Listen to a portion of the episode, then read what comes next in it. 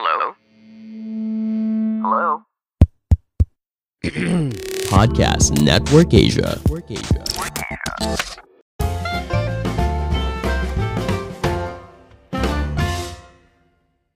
Halo semuanya, kembali lagi bersama saya Madianto. Kali ini kita akan membahas tentang tujuan investasi yang tepat.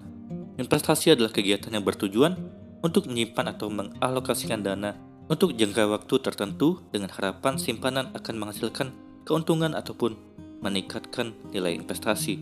Orang yang berinvestasi disebut investor atau banyak juga dikenal sebagai penanam modal.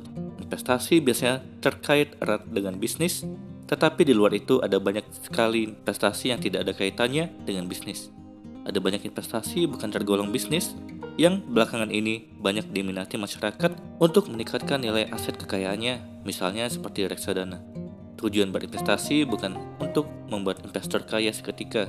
Ada masa di mana ketika pasar berfluktuasi, kamu harus bersabar, memiliki komitmen yang kuat, dan berinvestasi dengan tenang. Namun bukan berarti kamu tidak bisa berinvestasi dalam jangka pendek.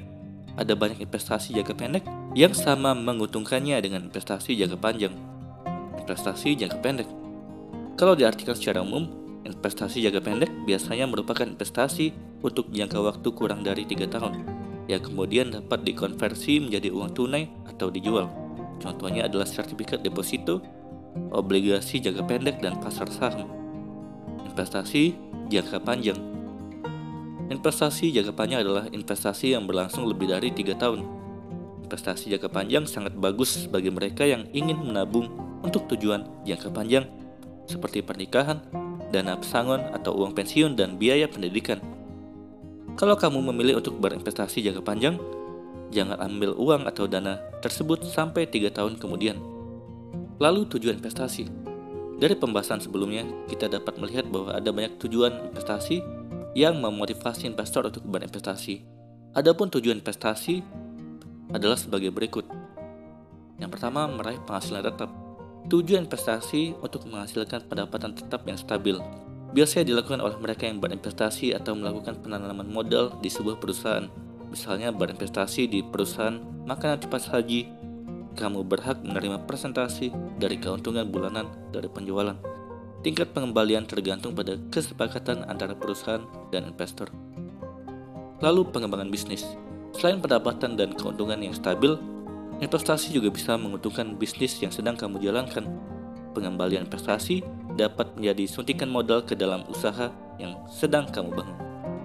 Adapun manfaat investasi yaitu menambah aset. Misalnya jika seseorang membeli tanah untuk investasi dan menjualnya dengan harga lebih tinggi beberapa tahun kemudian, maka sejak saat itu nilai aset berupa tanah semakin meningkat. Namun perolehan kenaikan nilai aset tidak dapat dicapai dalam waktu singkat, membutuhkan banyak waktu dan kesabaran.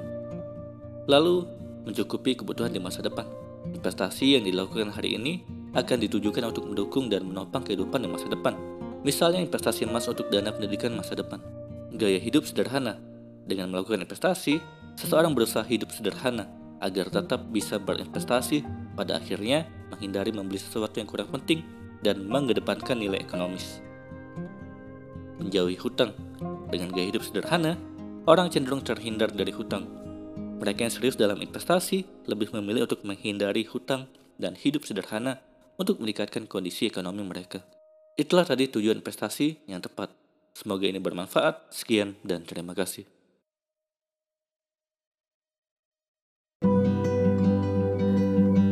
Pandangan dan opini yang disampaikan oleh kreator podcast, host, dan tamu tidak mencerminkan kebijakan resmi dan bagian dari podcast Network Asia.